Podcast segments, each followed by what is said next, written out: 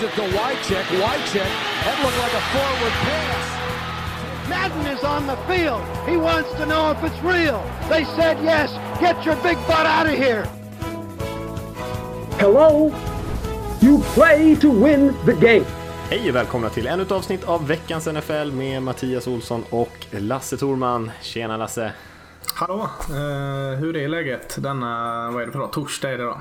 Som vanligt. Ja, nej, men det är okej, det är okej tycker jag. Lite lätt stressad. Jag var med om en väldigt eh, underlig upplevelse också på matbutiken. Jag så här, sprang hem här för att vi skulle kunna hinna spela in i tid. Så eh, gick jag runt och bara försökte köpa någon så här halvfärdigt käk inne på Ica. Och så var det en kvinna som vände sig mot mig och så sa hon Jag Är det längtar verkligen efter att bli... Vad sa du? Är det matte från NFL-podden? Eller Nej, nej, NFL? ingen sån. Hon vände, hon vände sig om och sa till mig, jag längtar verkligen efter att bli gravid. Och så tittade hon på mig långt in i ögonen. Så jag bara låtsades som ingenting och gick därifrån. Det var, det Svarade- var en väldigt underlig... Svarar du inte på det? Nej, jag gjorde inte det. Fan, det är sånt man Jag blev lite på eh, när man är på väg ur. Det skulle jag sagt. Jag tycker du ska vänta lite till. Eller aha, jag trodde redan du var gravid och sådana. ja, nej, det var en surrealistisk eh, upplevelse. Men det är sånt där som, som händer ibland. När Mm. man springer runt bland folk. Som gammal Orange-spelare är jag mest nyfiken. Vad blev det för mat? Eh, Jag köpte lite sån här färdig, sån här pulled beef eh, variant som man bara kör in i ugnen. Liksom. Ja, men det är okej. Det är okej. Ja, det funkar tycker jag. Ja, Det funkar. absolut. Hur är det med dig? Jo, det är bra. Eh, eh lite småstressigt här med. Åker ju till, eh, tidigt när man bytte till USA. Så eh, försöka få ordning på allt här nu. Skyffla bort det sista på jobbet. Eh, fixa till frisyren fick jag göra här innan lite. Så man ser proper ut på semesterbilderna som sen ska visas för hela släkten på sådana här diabilder. Och så eh, packa och så spela in podd mellan det. Men det ska nog gå bra. Det tror jag. Ja, jag tror det. Är, det är i alla fall en kul stress. Vad är det du ska någonstans? Eh, Texas och eh, New Mexico blir det den här gången. Eh, 17 dagars eh, flängande med eh, alldeles för många planer. Liksom. Jag kommer, vi kommer inte hinna med en tredjedel av det. Nej, nej det Tänk, bli tänker jag avstånd, men vid den drar vi liksom. Det är bara nio timmar i bil. Och så tänker man inte på att man har en femårig dotter med i bilen liksom. Så äh, vi får se. Men det kommer bli, det kommer bli lite fotboll i alla fall. Det, det har jag lyckats ringa in. Både på, på pub och på plats. Så det, nej, det ska bli roligt. Vad, vad ska du se för match på plats? Vet du? Eh, ja, det är ju det är ingen NFL-match eh, än här bokad. Så vi får se lite hur det blir. Men det blir eh, en väldigt, väldigt het college-match mellan eh, Texas mot West Virginia. Så Okej. kanske jag får in en Texas Tech-match också här. Och eventuellt High School eh, är ju väldigt stort i Texas. Så, eh, vi får se vad det blir. Men det blir ett par matcher och i vilken grad eller vilken liga det, det, det får jag väl återrapportera när jag kommer hem helt enkelt. ja, men du får väl bjussa på lite bilder kanske som vi kan slänga upp på Instagram eller något sånt där. Det ska jag göra. Mycket poolbilder. Precis, ingenting som är fotbollsrelaterat. det är grymt. Uh, ja, eh, hörru, vi ska lite snabba nyheter och sen ska vi eh, kika lite på läget i ligan tänkte vi och eh, prata lite om eh, matcher som har spelats och matcher som ska spelas och ta lite frågor. Men en grej som många säkert såg är ju att vi har släppt en ny eh, podcast på NFL Supporter som vi kallar för NFL Supporter Dokumentär eh, där Per Fogelin eh, håller i trådarna och kommer hänga med här i varje avsnitt här och så är det lite olika. Vissa är det han själv som som spelar in och i, i vissa bidrar vi andra lite grann. Så att den första var det jag som berättade lite grann om eh, Cleveland Browns när de eh, flyttade till, till Baltimore och blev Ravens. Eh, så att där ska man absolut gå in och prenumerera får man gärna göra och gärna betygsätta den på iTunes och sådär och lämna någon kommentar. Men eh, framförallt kanske lyssna på första avsnittet och ge lite feedback. Mm, det tycker jag absolut. Eh, jag var inne och tjuvhörde lite på första. Det var ju förbaskat bra. Eh, Kan också då, om vi ändå ska flänga runt och marknadsföra våra podcast. För vi har ju en del under vårt stall här nu. Va? Vi börjar bli, man kan ju tro verkligen. att vi börjar bli experter men det räcker ju att sätta på. Det är ett mediehus snart. Ja, precis. Vi har ju också veckans college med, med mig och Magnus där som eh, ni självklart också vill att ni går in och prenumererar och sprider och kommenterar. Så, eh, och så denna då. Glöm inte denna nu. Så bra är inte de andra. Det här är fortfarande eh, crème à la crème. Vi är i alla fall först.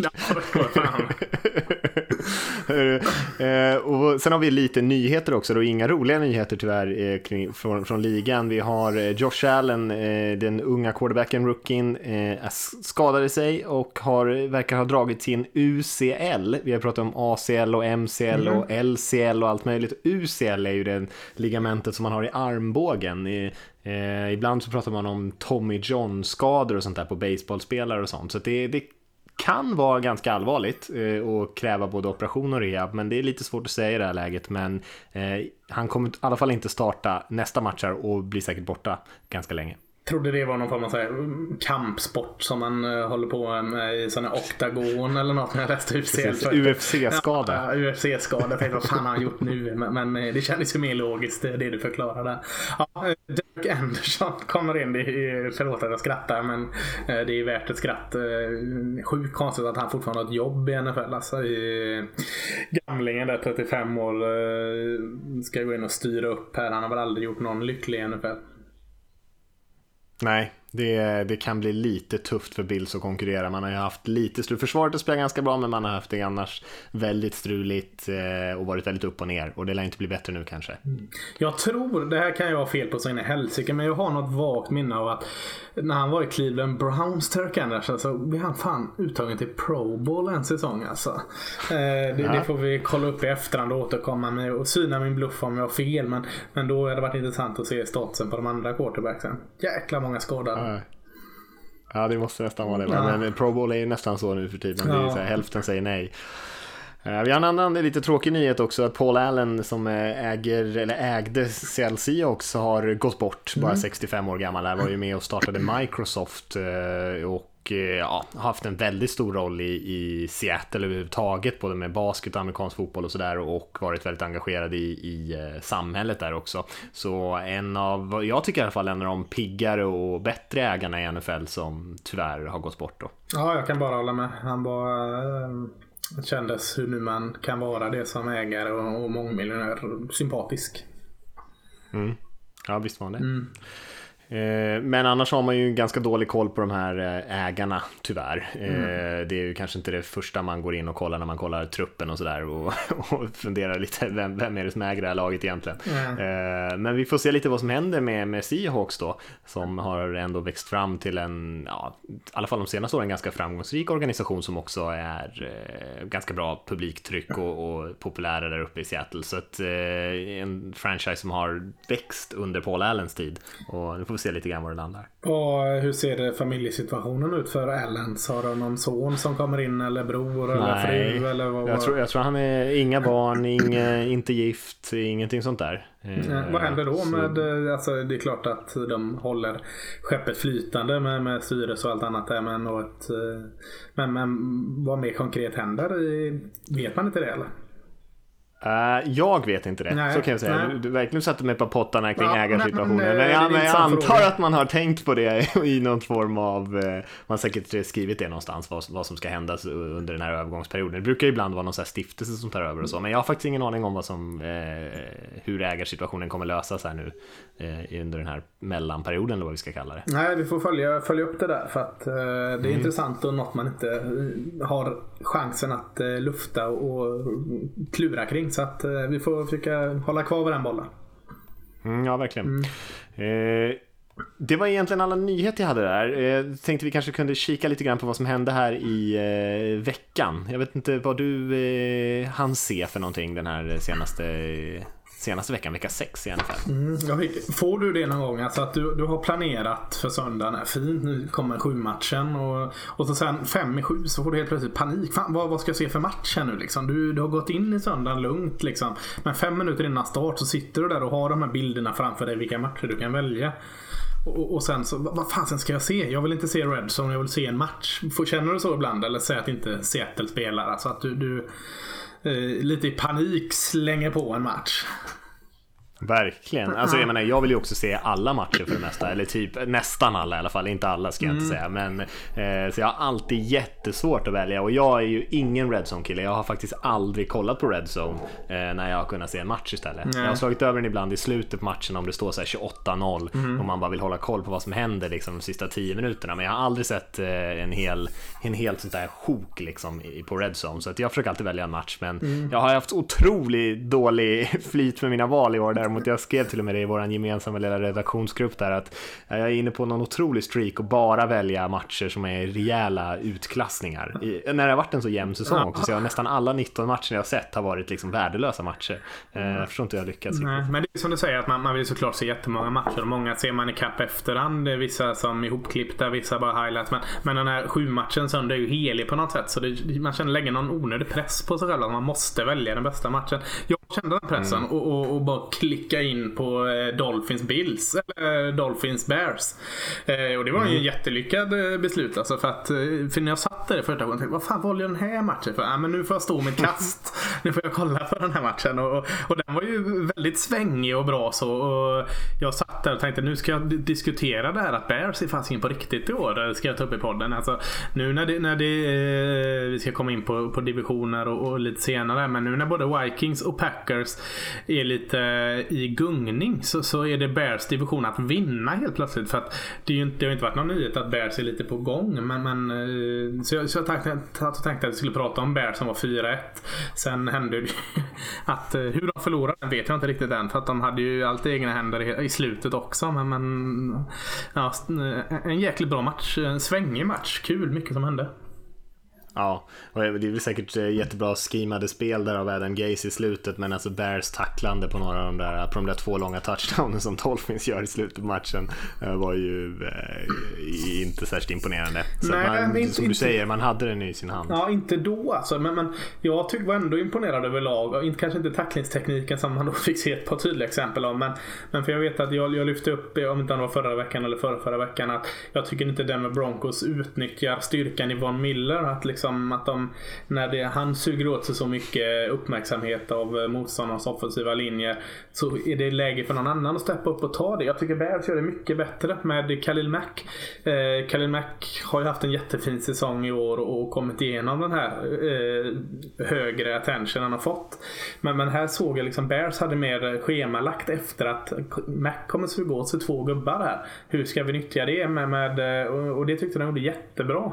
Så att eh, jag hade en, eh, en hyllning på dem liksom på gång. Liksom, jag bara spottade ut. Sen går de och förlorar. Så att, ja, men det, var, det var väldigt intressant lag. Nu vann Dolphins och, och all heder till dem. De, de eh, avslutade matchen på ett jäkligt eh, snyggt sätt. Eh, trots att eh, vad heter han, Drake var nära och, och sabba allting med fumble på eh, ettjardslinjen. Men, men, och, och det var starkt av dem att vinna vända. Men jag, jag var imponerad av Chicago Bears även att de förlorade.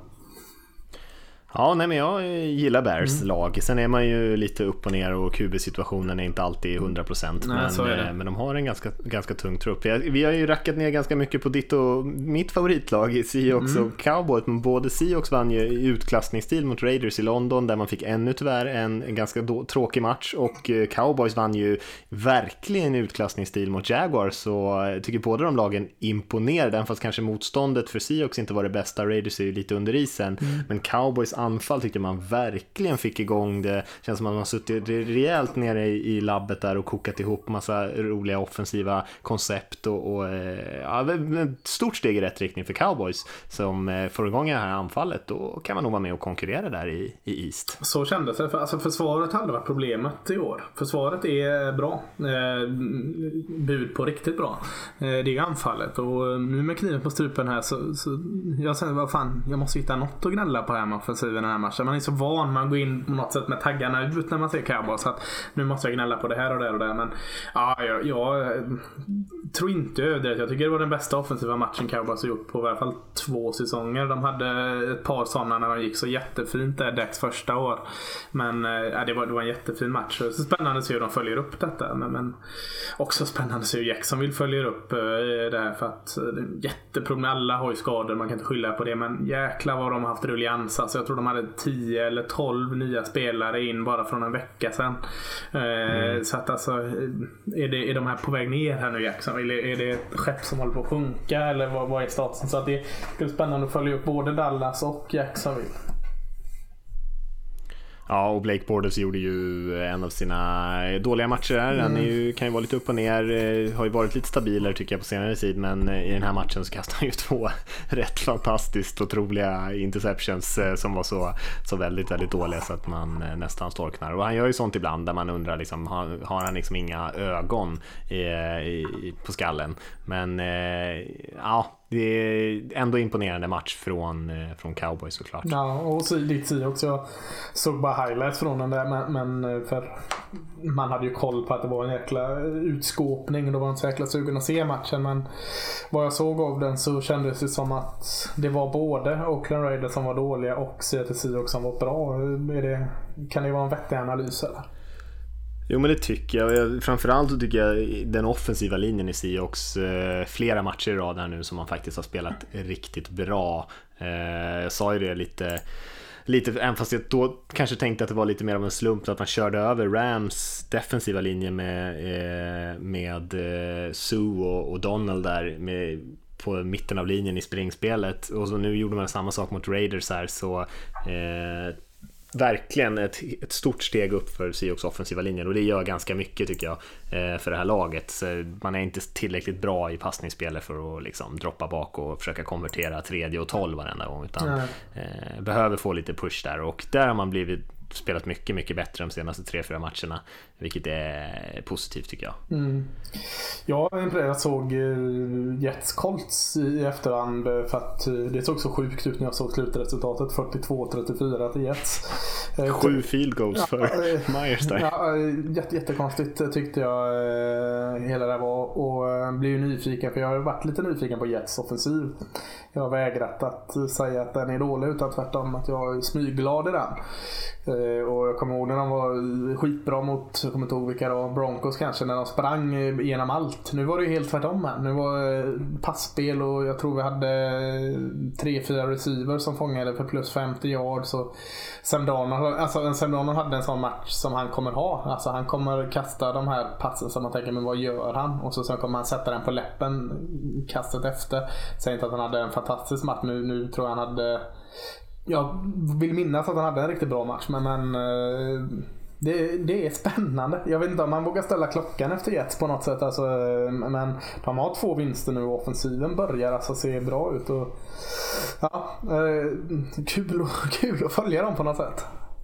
Mm, jag håller med. Jag tycker det är två lag som eh Eh, kanske inte riktigt lika roliga att följa just nu. Eh, Giants fick ju rejält med stryk mot Eagles trots att Barkley hade 230 yards nästan från, från scrimmage. Ja, eh, och sen samma sak i, så gjorde i och för sig Broncos en bra match eh, men torskade mot Rams. Så jag tyckte där kanske man ska börjar fundera på de här två lagen som ändå valde att inte välja QB högt i den här senaste draften, att satsa på sina veteraner som man lyckades få in där, eh, Case Keenum i Broncos och sen Eli Manning då som man gick av fortsatt förtroende, förtroende i New York.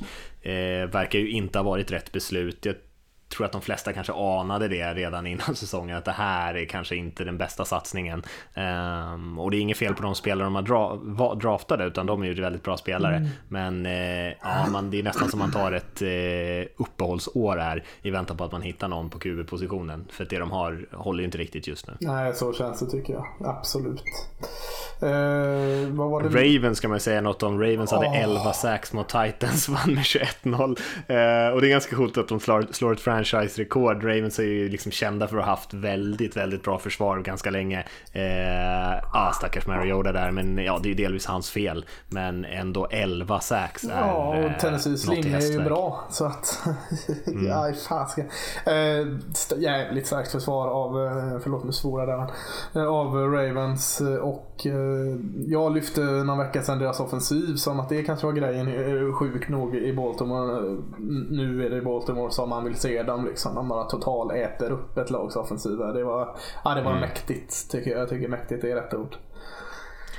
Titans är ju sådär, de, de, de liksom eh, blandar ganska imponerande insatser med totala magplask. Eh, och de har gjort det i många säsonger i rad och nu håller de på så här igen. Eh, det här anfallet mm. har ju verkligen inte varit bra i år, men försvaret har ju tidvis spelat bra. Men nu, ja, det är inte så lätt för försvaret i en sån här match när anfallet blir totalmosat. Eller. Vi hade ju den här stora matchen som vi pratade om, Chiefs-Patriots kanske man också ska säga någonting om Lasse. Kanske inte gjorde så många besvikna där. De slutade 43-40 till Patriots på hemmaplan efter ett, liksom, ett field goal i slutet på matchen. Eh, Patriots spelade ganska bra i försvaret i den första halvleken, ändå höll Chiefs till lite field goals och, och lite tryckte fram lite turnovers och sånt där. Eh, men det hindrade ju inte Chiefs från att bara ösa in poäng i andra halvlek eh, och göra match av det igen. Så eh, ja, 83 poäng där totalt i den matchen mellan två lag som inte har så mycket till försvar, något av de här egentligen, utan kommer vinna med sina anfall. Mm. Men det mm. kommer vara svårt att stoppa dem ändå. Ja, fick se Chiefs försvar var bra en match i alla fall, match här mm. veckan innan. Tycker det är spännande, jag vet inte om det är en tendens, jag har nog bara sett två matcher med Patriots i år, hela matcher. Det här var en av dem. Alltså, att uh, de börjar mer och mer traditionellt gå över till en running back som uh, man förlitar att springa bollen med. med. De har ju annars väldigt liksom rullians där. Och, och det är klart James White används fortfarande mycket i passspelet och var bra i passspelet även här. Men, men jag får känslan att man går över till mer traditionellt springspel när man har hittat något som man verkligen gillar. I Sonny Michel, han gjorde en jättefin match. Uh, två TD så får man att han sprang in eller något sådant. Så att, lite spännande att se om de, de ändrar om lite. De har varit väldigt framgångsrika med det andra konceptet de har kört där de har rullat runt mycket på running backs och uh, använt dem väldigt mycket i pass. Sonny Michels används ju inte alls i, i pass i den månaden. Nej. Eh, och eh, det kanske är dags att gå vidare. Jag tycker vi kan nämna någonting om eh, bara Steelers Bengals där i AFC North. Mm. Där, derbyt där, eh, som var en väldigt tight tillställning där Steelers avgjorde på i slutet med, eh, kan man kalla det en kontroversiell touchdown där. Frågan om det var någon som, eh, om Steelers receiver verkligen eh, inte skulle ha fått flagga där för att han blockerade en försvarare. Men Eh, annars blev det ju mycket snack om Vontus Burfict i den här matchen igen som återigen är ute och försöker tackla folk i huvudet och såna här grejer. Mm. Jag hade inte mycket att säga om det. Eh, han är en bra fotbollsspelare. Eh, tyvärr, och det är en hårfin linje det där vad som är schysst och, eller vad som är oschysst och vad som bara är fotboll. Och han har lite mm. svårt att hitta den linjen ibland. Uh, ibland kan jag tycka att man kan lägga lite för stor vikt vid att Vontus Perfect är ett rövhål. Liksom. Alltså att, uh, det är också det rövhålet som gör honom till en så bra fotbollsspelare han är. Uh, så att, ja, det är lite synd att han har problem att komma på rätt sida av den linjen. Ja, ja verkligen. verkligen. Eh, ska vi lämna matcherna där Lasse? Mm, mm, och säga någonting om divisionerna. Vi tänkte att vi skulle gå och kika lite grann på dem och det är ju ganska jämnt just nu i ligan, eh, minst sagt. Mm. Jag vet inte, vad, vad är liksom, har du någonting, någon ingång där generellt som vi ska liksom börja med att bara sätta, sätta spelbrädet lite grann? Ja, men jag satte mig bara liksom och slängde en överblick som man gör ibland när man får en stund över. Liksom kollar hur, hur läget är och blir liksom väldigt överraskad av att det är ett helt gäng med divisioner som är liksom up for grabs fortfarande. Alltså om vi ska börja med AFC South här till exempel eh, där vi har tre lag som är 3-3 liksom. Eh, och, och man, man, är ungefär likadant i konferensspelet också. Tennessee Titans, Houston Texans och Jacksonville Jaguars. Där eh, många hade Jaguars som favorit men, men det var många som pratade om Titans och Texans med. Eh, Colts får vi räkna bort 1-5 där men, men den är ju spännande. Titans och Jaguars har två förluster var Texans som vi räknade bort för några veckor sedan har vunnit tre raka nu och känns helt plötsligt som det hetaste laget. Möts väl också eh, Texans Jaguars i helgen så, så den här divisionen tycker jag är jättespännande. Verkligen, och jag tror att den matchen är väldigt viktig. Jag tror inte så mycket på Titans, jag tror mer på Texans och Jaguars. Mm, och, och eh, Eh, det skulle bli intressant att se vad de, för Jaguars måste ju spela bättre än vad de mm. gjorde mot Cowboys, så det, det har de ju potential att göra. Jag hörde någon sa någonstans att eh, Jaguars har börjat liksom köpa sin egen hype lite grann, att de helt plötsligt börjar tycka att de är ett topplag. De har alltid varit lite underdogs där innan, liksom, ingen har riktigt trott på dem, försvaret har fått liksom bära anfallet. Så helt plötsligt är man lite, börjar man bli lite så här kaxig och bekväm eh, och då blir man överkörd av ett duktigt anfall. Eh, Texans har som, som du sa, verkligen vunnit tre raka matcher, börjar komma igång här verkligen och och eh, även fast man har spelat dåligt, väldigt slarvigt, Deshaun Watson har varit väldigt upp och ner, mycket turnovers, eh, har ju ett väldigt bra lag. Jag, mm. jag skulle säga att Texans är favoriterna just nu och det är ju kanske delvis för att de är på en riktig winning streak och mm. alla andra i lag i divisionen har förlorat minst två raka. Eh, Colts är inne på fyra raka förluster.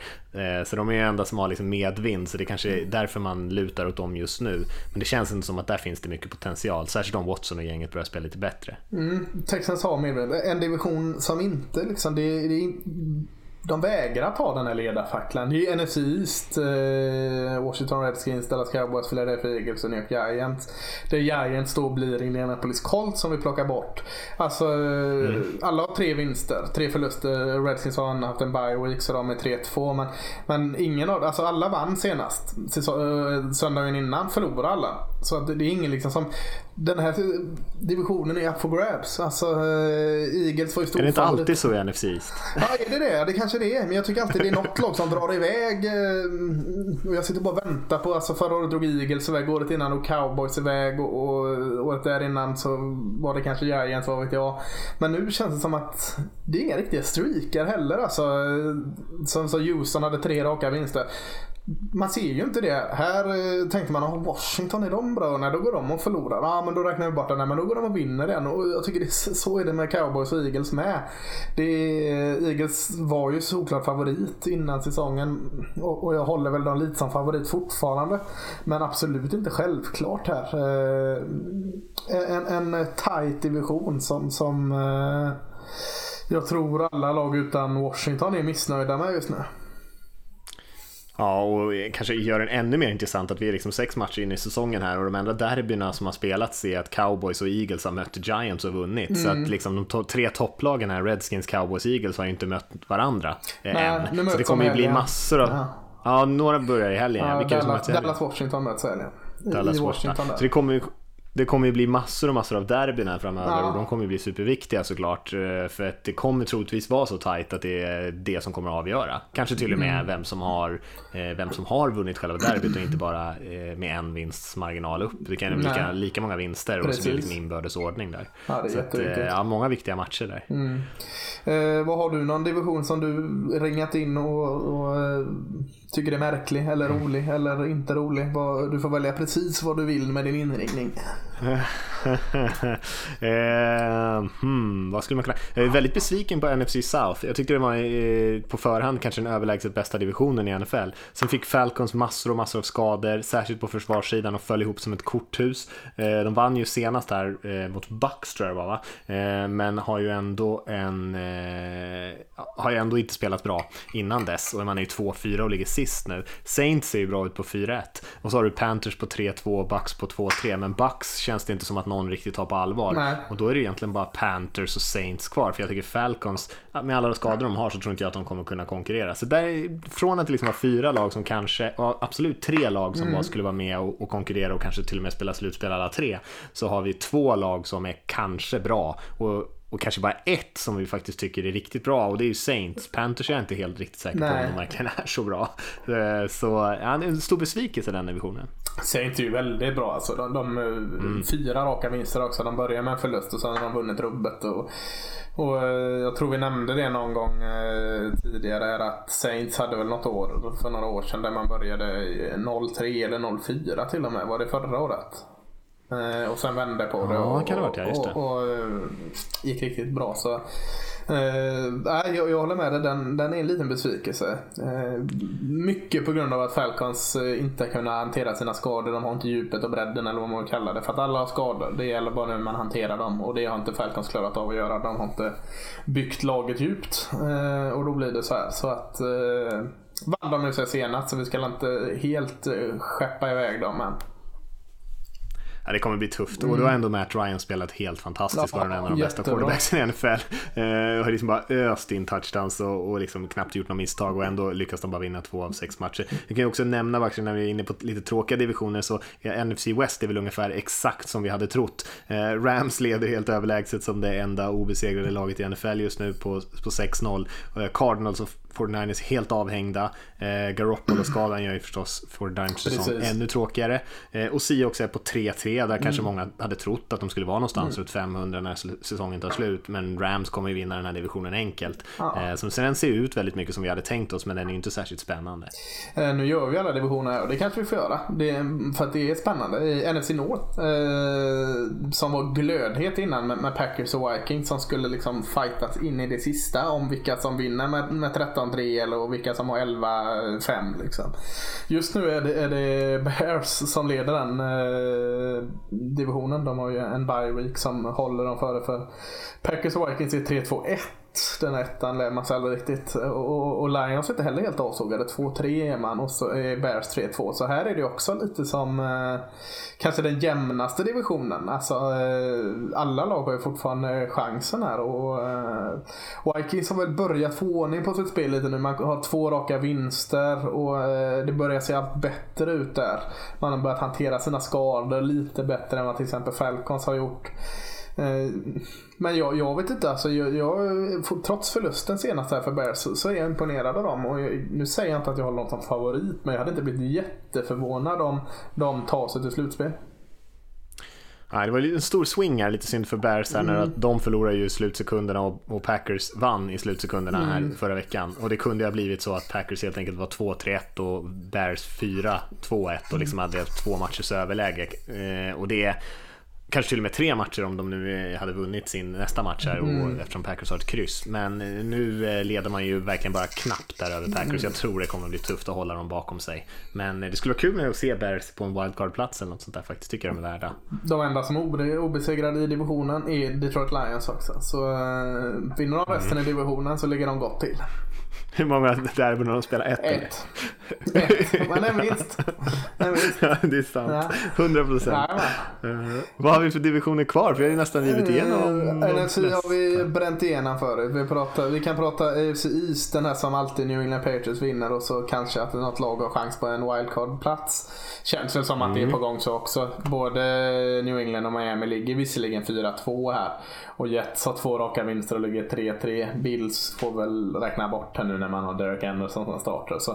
Men, men eh, ja, visst är det så. Det känns väl ändå som att det här är New England Patriots eh, division. Och så sen eh, ska det bli intressant att se vilka som håller i längst av, av Jets och Dolphins här. Att kanske kunna ta en wildcard-plats som, som Bills faktiskt gjorde förra året.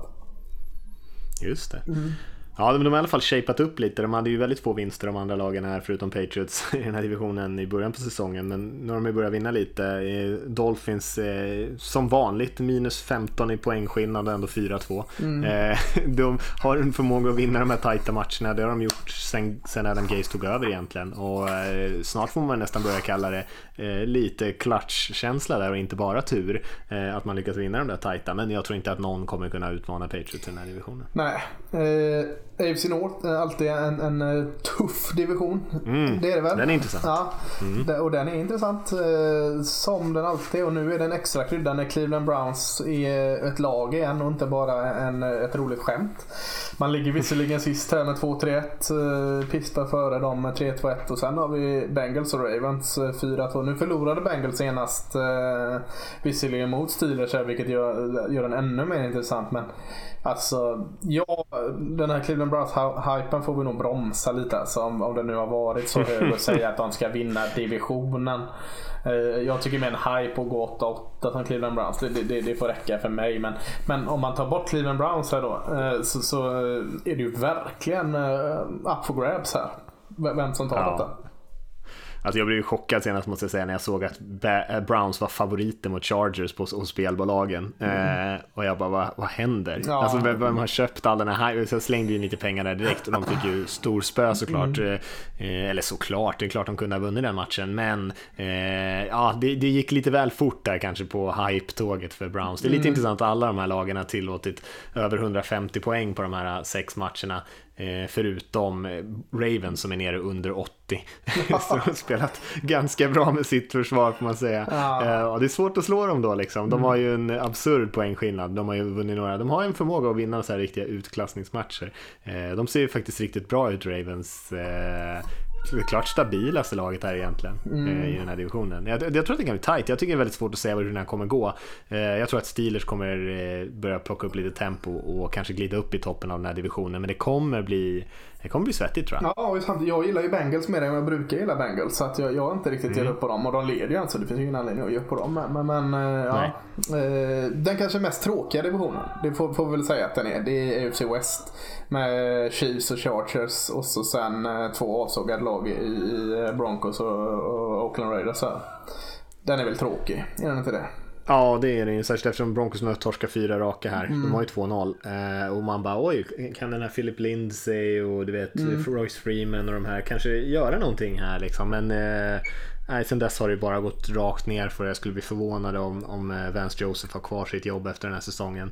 Eh, Chargers, kul att de har börjat komma igång lite här. Det, Tre raka. De har ju en bra trupp. Ja, de mm. har ju en bra trupp. Det handlar ju bara om så här, försök att inte sumpa det totalt med sitt special teams och liksom eh, spela de här matcherna ordentligt och bara stöka av de här lite sämre motståndarna för då kommer man nå, nå slutspel i AFC tror jag. Jag tror inte det behövs sådär jätte, jättemånga matcher. Det är ju det är AFC North där med Bengals, Ravens, Steelers tror jag som, som kommer kunna komma upp över 10 vinster. Annars tror jag det kommer bli ganska smidigt att ta en wildcard-plats. Jag tror 10-6 kommer räcka i EFC för det. Ja, eh, jag tror 10-6 kommer räcka. Alltså, förlåt nu flög jag in här. Men, men jag tror 10-6 mm, kommer räcka betydligt mer. Eh, kan man säga så? Det var konstigt, den lät konstig den med, med eh, räcka betydligt mer. Jag vet inte. Alltså, att det kommer 10-6 kommer vara mer gångbart för att ta sig till slutspel över hela brädan när det är så här jämnt. Så måste det väl vara. Mm.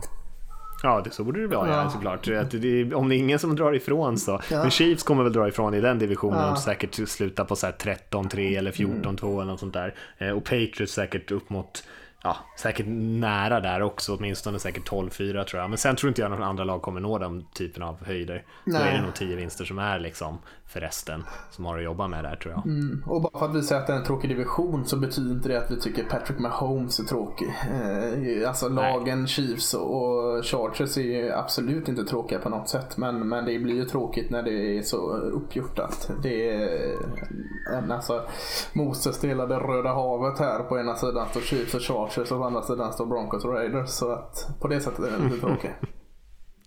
Lite så. Chiefs har i och för sig eh, eh, tappat tempo tidigare säsonger. Eh, det, mm. det, ska inte vara första gången om de tappar lite fart där i andra halvan. Men vi får väl se lite grann. Eh, det kan ju hända mycket liksom i NFL. En skada på typ Tyreek Hill. Hur kommer det påverka Chiefs? Eh, skulle säkert påverka dem ganska mycket.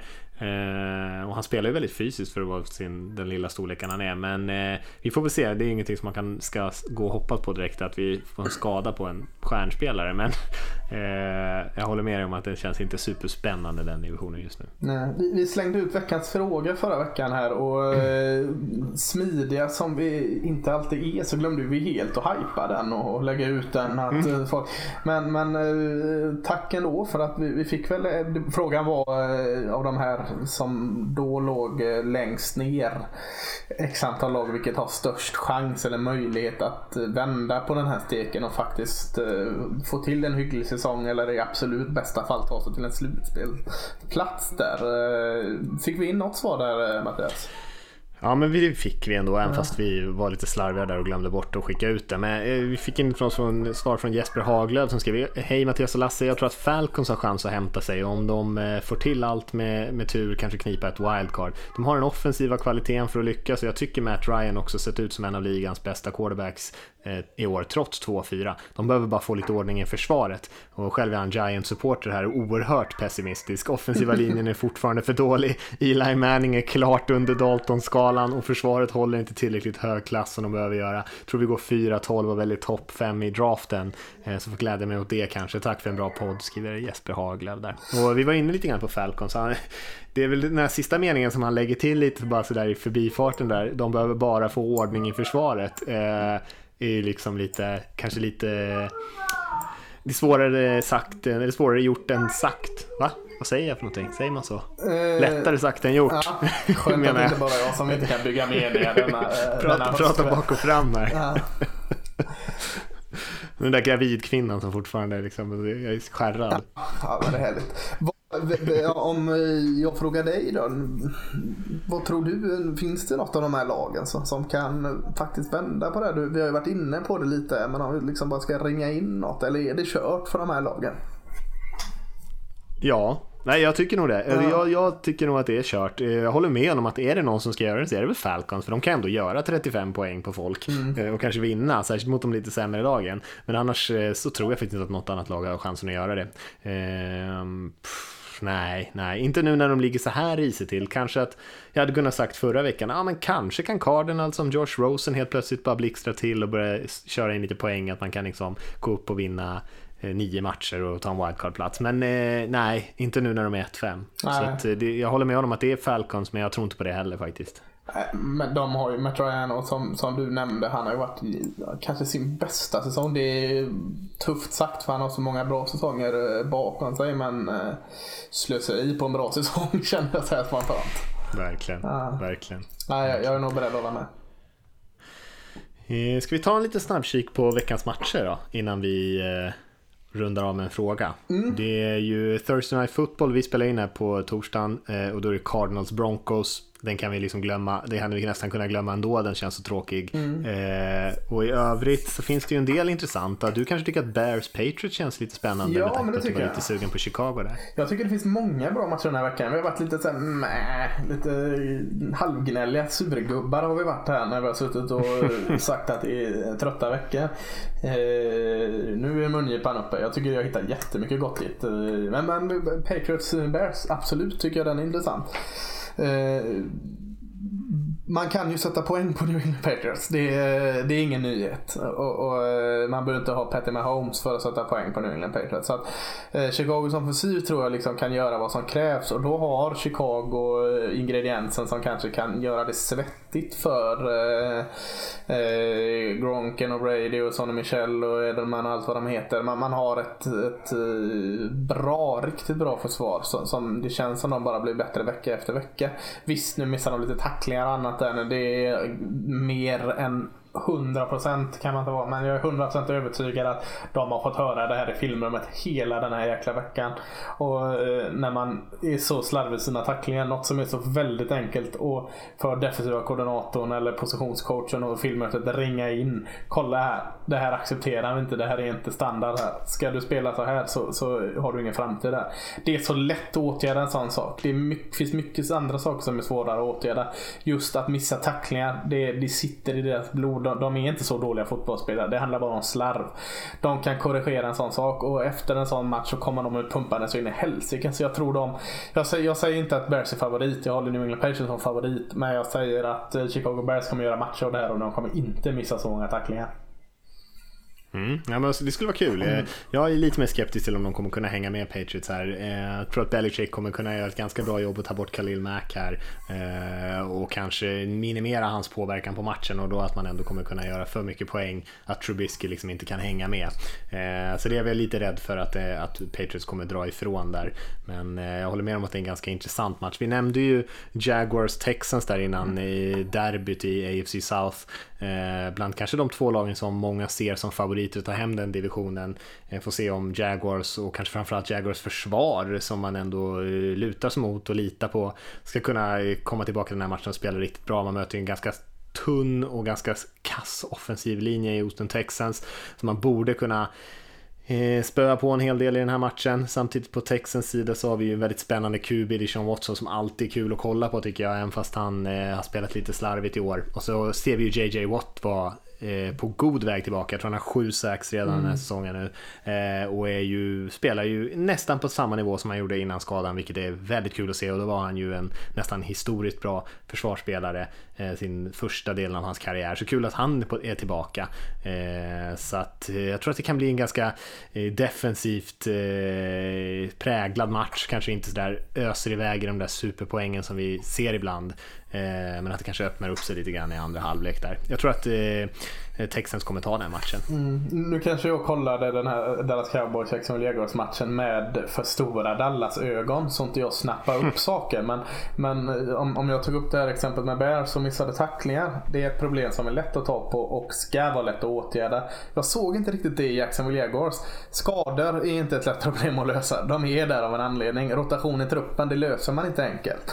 Eh, men rent speltekniskt så såg jag inte de här svagheterna. Det är klart de var inte bra överlag för försvaret när man släpper till så mycket poäng. Eh, trots eh, att Cowboys hade en jättefin eh, planerad match.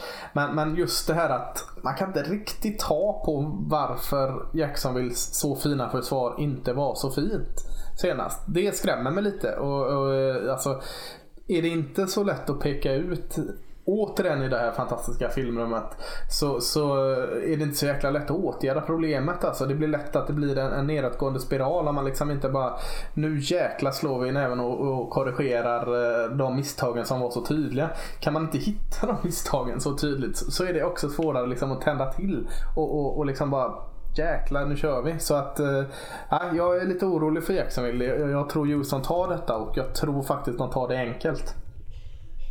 Mm, mm. Har du sett något annat intressant där på? Ja, jo, men, jo, jo, för fan det massa i, i Baltimore är det ju en jättematch. Baltimore Ravens tar emot New Orleans Saints. Eh, känns som verkligen eh, två lag som är helt i fas nu som, som möts helt rätt tillfälle. Det kan bli, antagligen kommer det bli en skitmatch då bara för att det är två liksom eh, med Baltimores nollning mot eh, Titans så möter man alltså det här sjukt fyndiga offensiva New Orleans Saints som har så många dimensioner i sitt, i, i sitt offensiv med Sean Payton som det är ingen hemlighet att jag är väldigt svag för. Eh, så det ska bli de här två kontrasterna. Baltimore är Baltimore och New Orleans är New Orleans eh, spelmässigt. Eh, det ska bli väldigt roligt att se vad, hur den matchen slutar.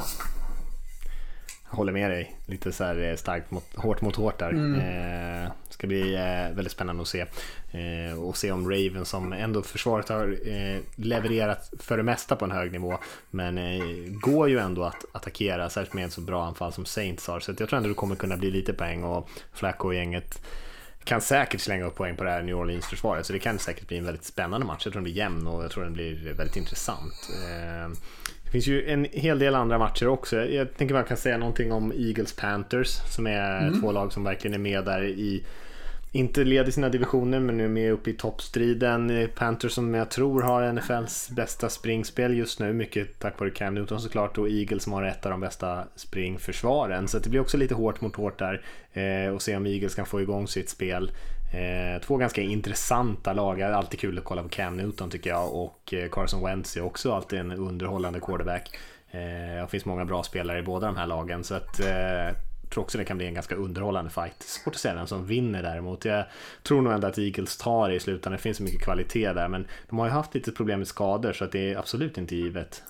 Ja, eh, Eagles känns ju så mycket bättre än en 3-3-lag tycker jag ändå. Alltså det kanske är att jag har den här utskåpningen av Giants för färskt i minnet. Men, men eh, Eagles offensiv tycker jag den har börjat komma igång. Den har börjat, Carson Wentz är tillbaka från skadan. Det tog lite tid, det är fullt naturligt.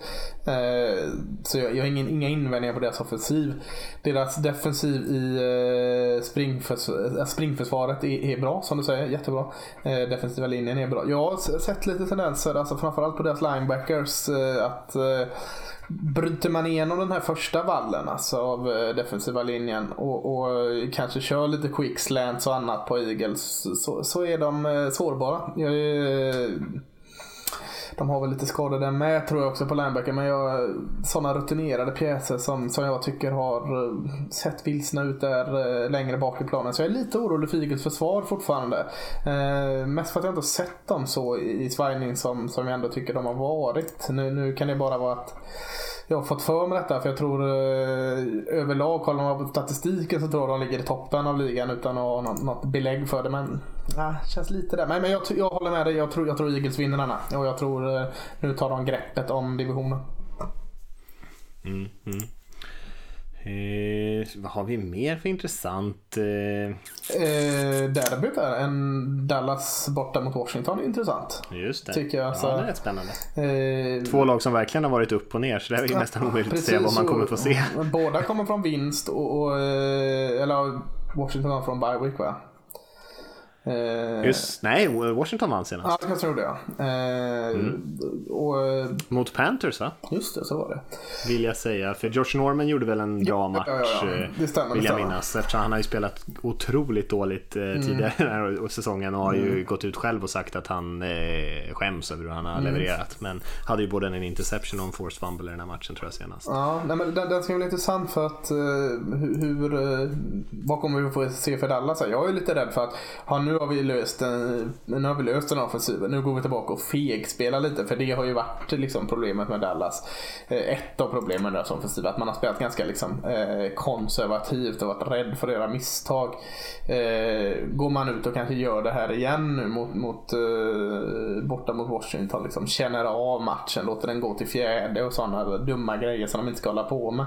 Gör de det så kommer de, få, kommer de förlora matchen. Går man ut liksom lite med den här mentaliteten, alltså att nu, nu, får vi, fan- nu hör vi busvisslingarna på läktaren, nu får vi fasiken sätta oss ner och måla upp en plan. Går man ut med det så tror jag Dallas eh, har två raka här att vinna.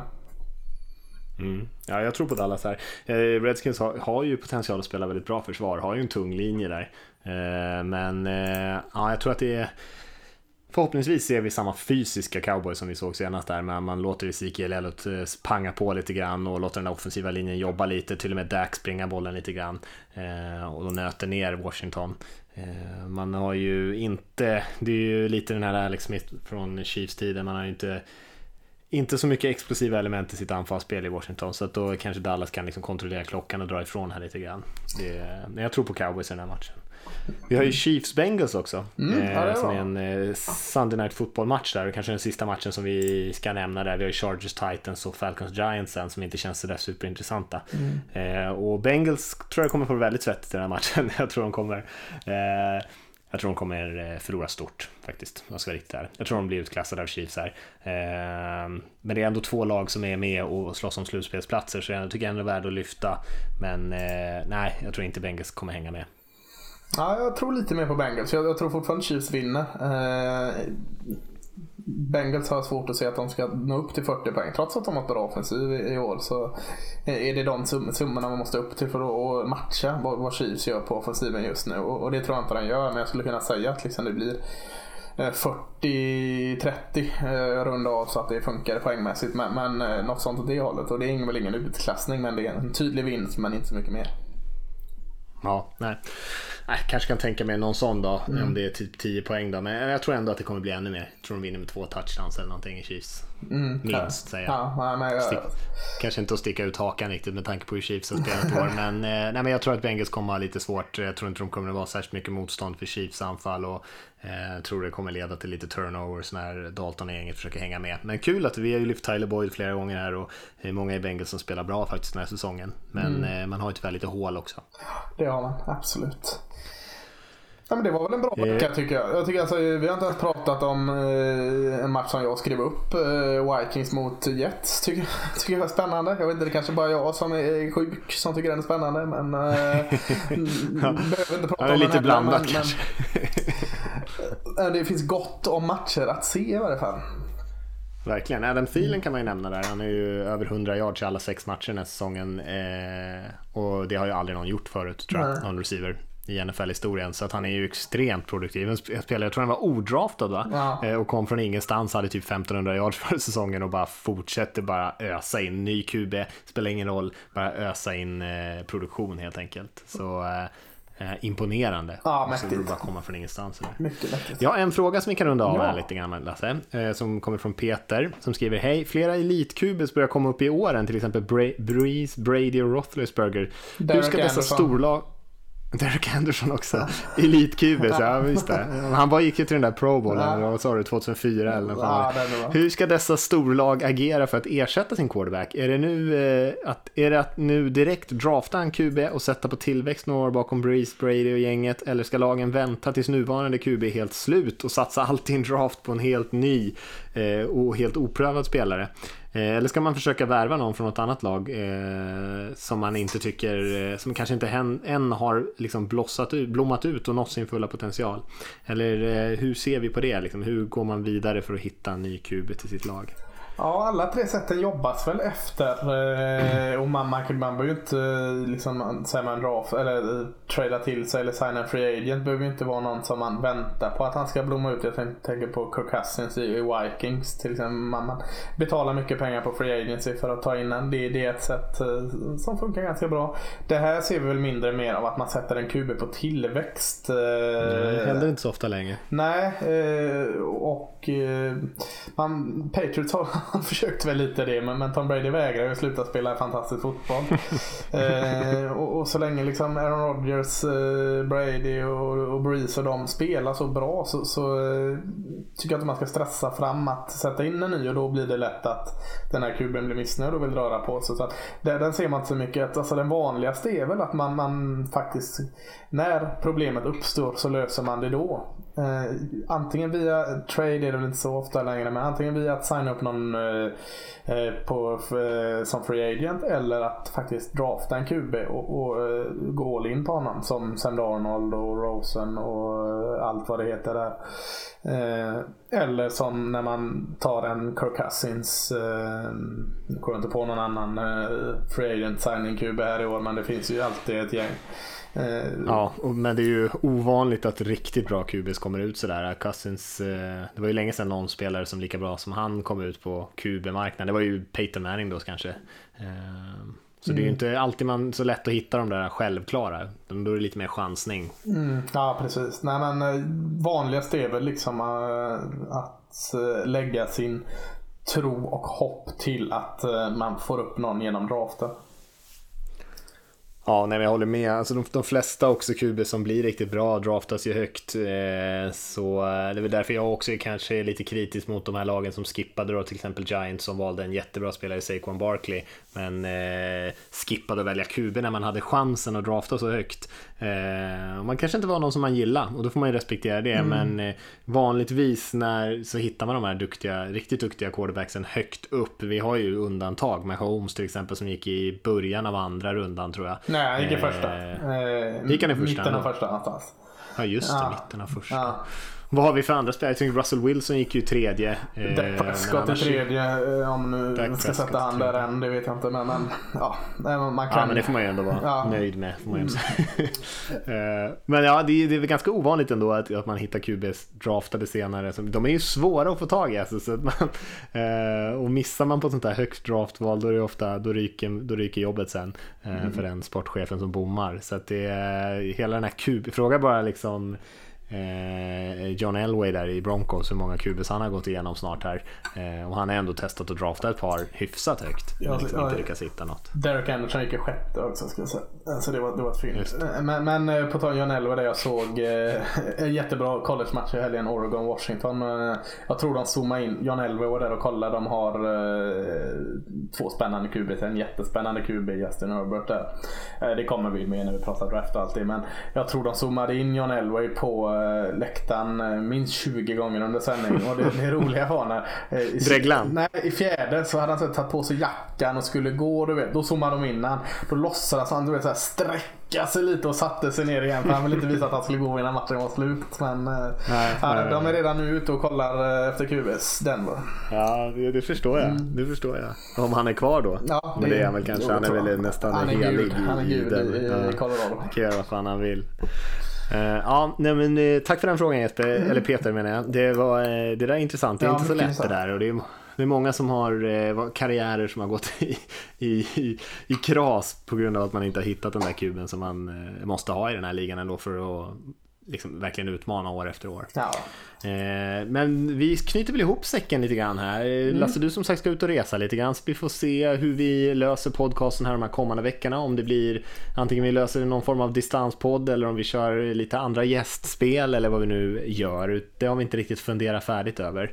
Eh, men någon typ av eh, lösning blir det nog säkert i alla fall. Mm. Och blir det en lucka med, med ingen podcast så, så ta det som en vilovecka från oss. Det, det, det kan ni må bra av. Faktiskt. Det är bra för, den, liksom, för hjärnan och det personliga välmåendet och allt möjligt. Ja, precis. Ja, men eh, vi säger så eh, för den här veckan hörni och tack för att ni har lyssnat. Njut av alla de här matcherna som Lasse var så taggad över så, eh, så hörs vi igen eh, här framöver. Det gör så vi. eh, ha det bra allihopa.